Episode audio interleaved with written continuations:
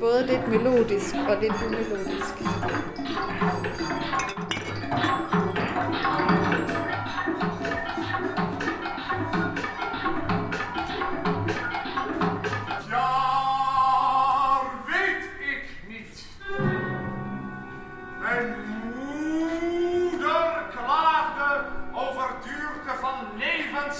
Hvor findes historiske eksperimenter med lyd? Hvordan bevarer man lydkunst for eftertiden? Og hvor tilgængelig er den? Velkommen til femte afsnit af podcastserien Lydkunst. Om lydkunst i arkivet. Før, nu og for eftertiden.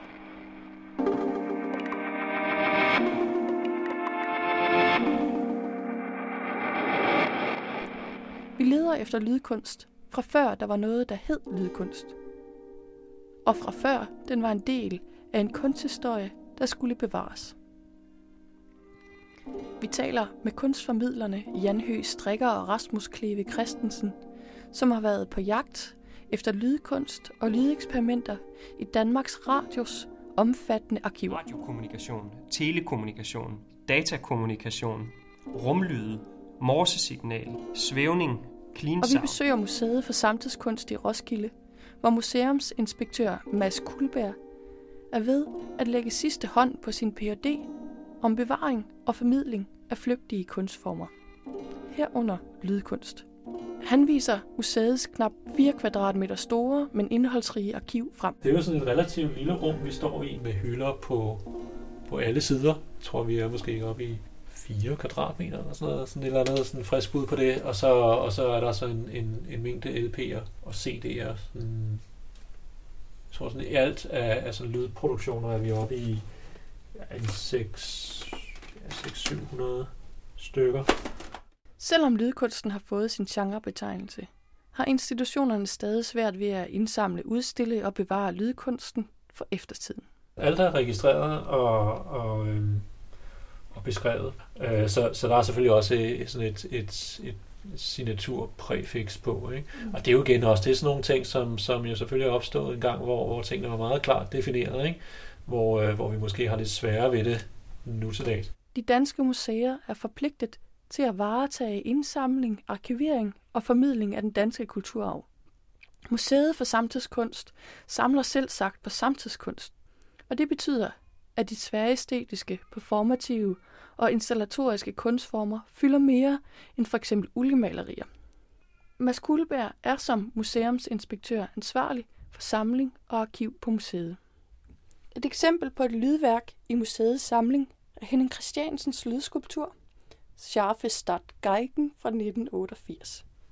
Som er sådan en installation, som vi bygger op hver gang den skal, den skal udstilles. Der har vi en plan for den. Ikke? Vi har en, en vejledning øh, til at lave sådan et skelet, og så bygger vi sådan en høstark op af det, og den kan man så gå ind i. Så inde i den, der står to højtalere, og så afspiller den sin symfoni af Henning Christiansen. Når et lydværk indgår i en installation, som det ofte er tilfældet, arkiveres den digitale lydfil sammen med instruktioner til opbygningen. Så helt konkret er det, der opbevares i museets samling. Der er det en digital fil, og så er det en installationsvejledning, som beskriver, hvordan man bygger dels øh, skelettet, og så også, øh, øh, hvordan man ligesom beklæder den. Og så er der et certifikat. Og det er jo sådan en måde at, at, at, at ligesom definere værket på. Ikke? Når et museum erhverver sig et værk til deres samling, skal det indberettes til Kulturstyrelsens centrale register. Kunstindeks Danmark.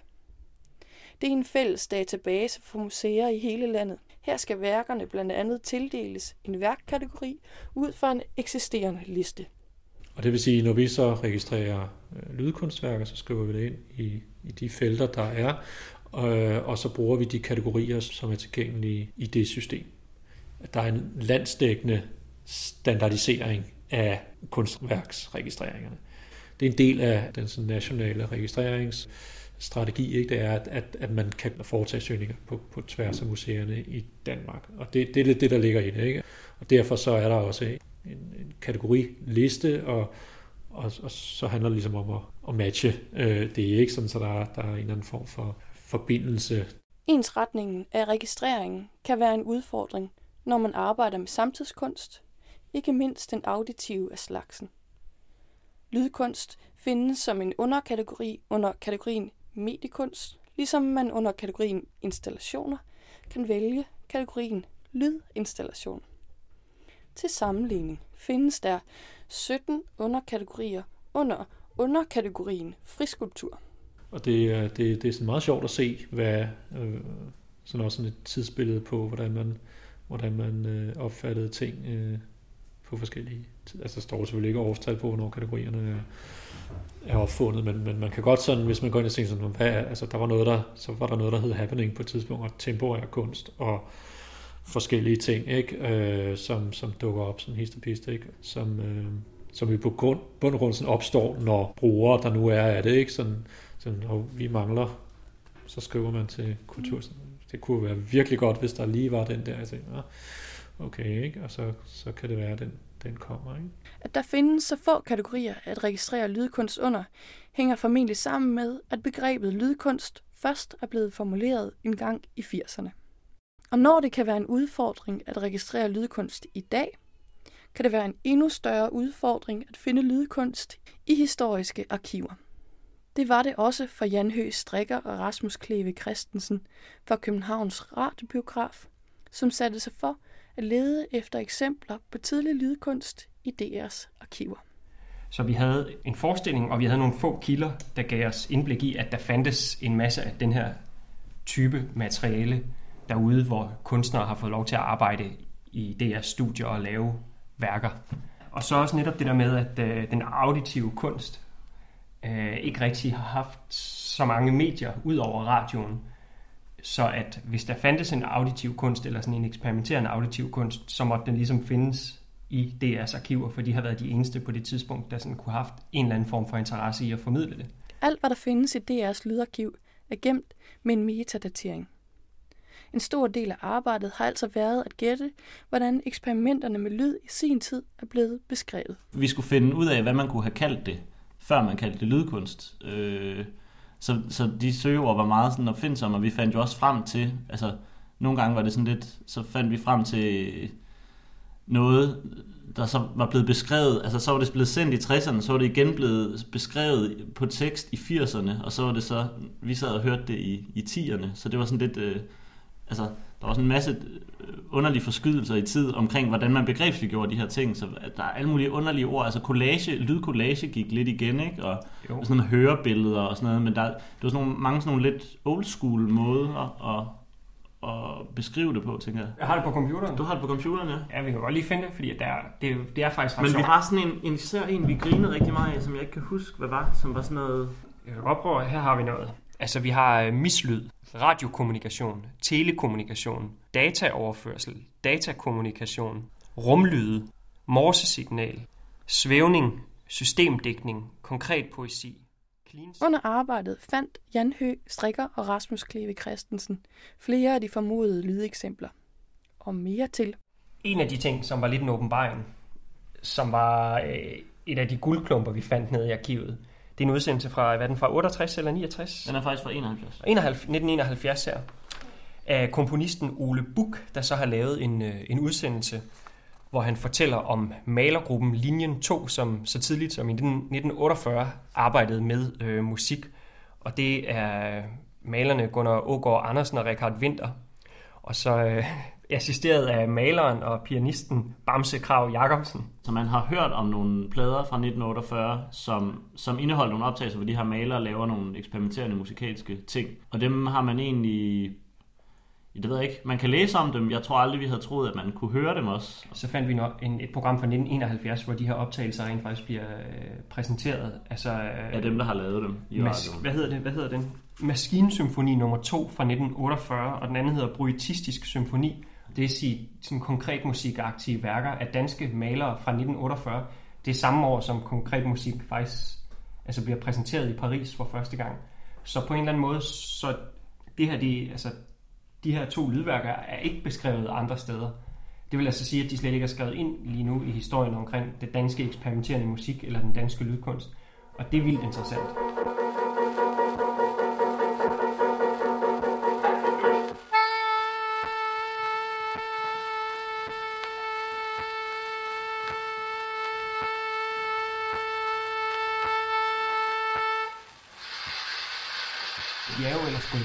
Optagelser. Der står her, begge værker i private shellac-optagelser med komponisterne som medvirkende. Det vil altså sige, at hvis de shellac-optagelser ikke findes længere, så, så findes de kun i den her DR-kopi. Når noget bliver arkiveret, kan det altså, som her, ende med at blive gemt og glemt. Vi ligesom vidste på en eller anden måde, at der lå nogle ting derude, som ikke havde været, altså som havde været sendt i radioen, måske i 60'erne, 70'erne, men som ikke havde været genudsendt, og som ligesom var blevet lidt glemt, og ikke øh, havde sådan et liv uden for DR's arkiver. Og det var sådan måske i virkeligheden det, projektet gik allermest ud på, at give noget et liv uden for DR's arkiver. Det er ikke kun i DR's arkiver, der findes eksempler på lydkunst, der ikke er tilgængeligt for offentligheden. På Statens Museum for Kunst findes der et omfangsrigt lydkunstarkiv, udarbejdet af kunstneren William Louis Sørensen. Hvor han simpelthen samlede det, han så definerede som lydkunst. Øh, og det arkiv, det er altså et arkiv, der ligger herinde, og det er sådan en blanding af båndoptagelser, men jo også øh, videooptagelser og kataloger og forskellige øh, trygte ting, flyers osv. Sådan fortæller museumsinspektør Begitte Anderberg, som til daglig har ansvaret for samlingen af 60'ernes, 70'ernes og 80'ernes kunst på museet.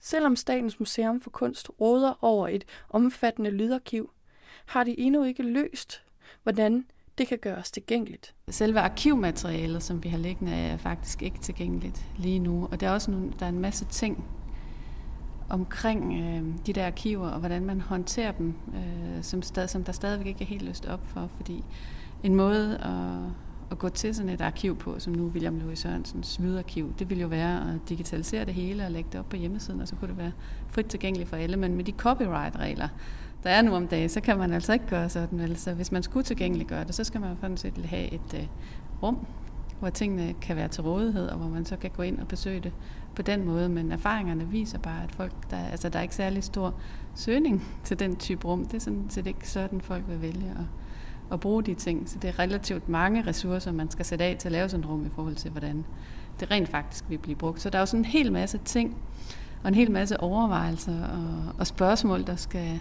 altså man skal sortere i, før man faktisk kan for alvor komme til at arbejde med det. Støj. Jeg vil godt høre støj. Ja. Det skal nok ikke op.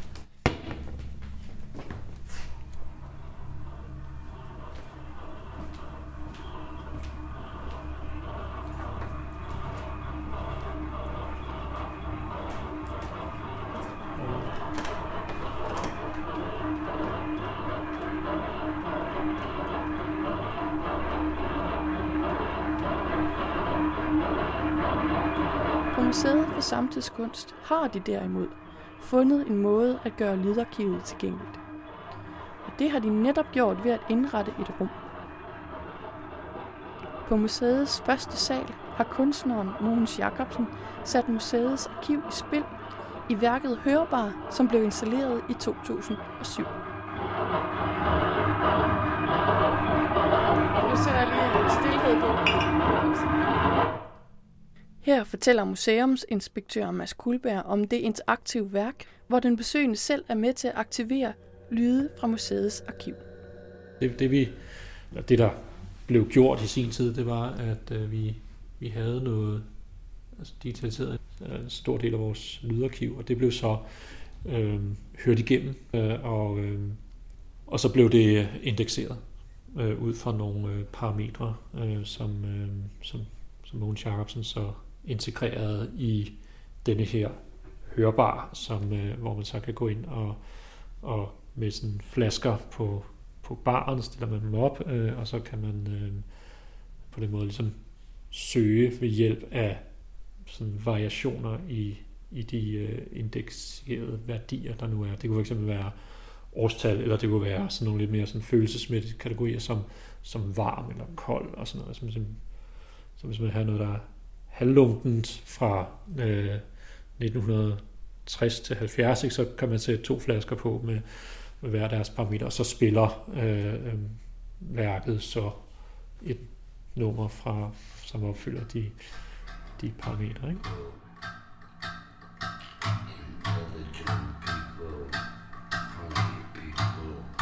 Her kunne man få rigtig lang tid til at gå. Ja. Ja.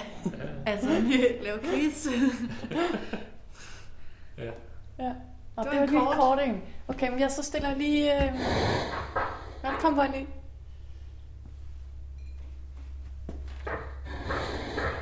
Jeg tror, kan man forvirre den helt vildt og stille få på, så? Og du, den mange står ikke der.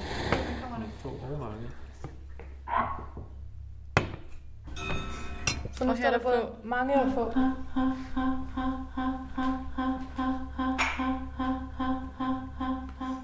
Hørbar er en interessant måde at gøre et arkiv tilgængeligt, og et godt bud på en måde at tænke på tværs af værk, arkiv, forskning og formidling.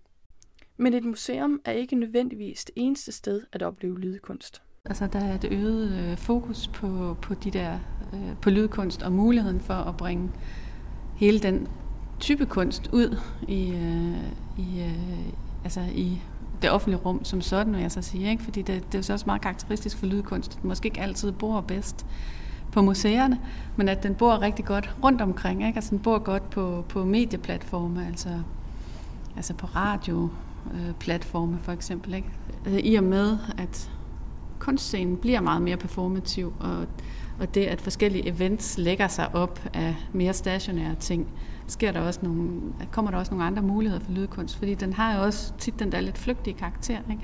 Så der er ikke, altså, den er ikke nødvendigvis det samme som det at være museal og være stationær og være til stede hele tiden. Det er jo noget, der, der kan komme og gå. Ikke? Den har lidt nogle andre mediemæssige præmisser. Jan Høgh Strikker og Rasmus Kleve Christensen er udover at være en del af Københavns Radiobiograf, også begge en del af The Lake Radio. Det er en internetradio for lydkunst, eksperimenterende musik, field recordings og alt herimellem. Og altså et godt bud på en måde at gøre lydkunst tilgængelig uden for institutionen. Godt nok er lydkunst flygtig, men den er også fleksibel og kan indgå på mange platforme i mange kontekster på forskellige tider og steder. Med håb om for fremtiden at møde endnu mere lydkunst, også den, der ligger gemt i arkiverne, gader og stræder, på nettet, i radioen og på museer, var det alt for dette afsnit af Lydkunst.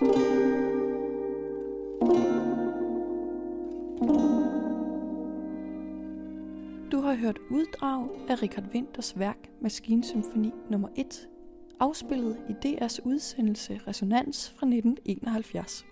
Og du har hørt eksempler på lydværker fra Museet for Samtidskunst Lydarkiv, afspillet i Mogens Jacobsens installation Hørbar. Podcasten er tilrettelagt og produceret af Line Møller Lauritsen og Anne Neumann Klingen. Tak fordi du lyttede med, og på genhør. thank you